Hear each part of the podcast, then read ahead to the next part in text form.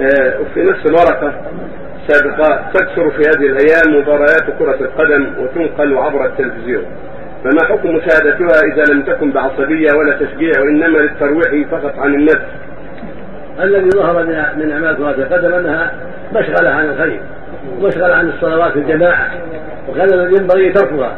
لو لو صينت وكانت في أوقات قليلة ومعها ضبط العورات وصيانه العورات وإقامة الصلوات لو كان هذا مضبوطا لكان الأمر أسهل لكن مع مع مع ما يشاهده الناس من الشغل بها والفتنة بها وتضييع الصلوات من المشاهدين واللاعبين فلن يعتقدوا أن هذا العمل محرم ومنكر ولا يجوز فعله أبدا لا في هذه البلاد ولا في غيرها من المسلمين.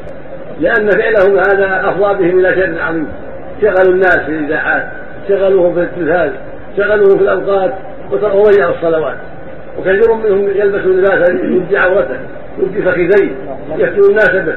وكل هذا من المنكرات التي لا التي لا مبرر لها فالحاصل أن كرة القدم التي يفعلها الناس اليوم شرها عظيم وخيرها معدود وإن كان فيه خير فهو قليل جدا من جهة النشاط واعتياد القوة مغبور هذا الخير القليل في جنب الشر الكثير.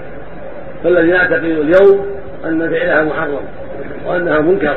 إلا إذا التزم أهلها بالستر وحفظ الأوقات وإقامة الصلوات في وقتها وصارت وصار لعبها في وقت خاص محدود لا يتجاوز لا يتجاوزه إلى أن يضيعوا به الصلوات إما المشاهدون وإما اللاعبون وإما الجميع.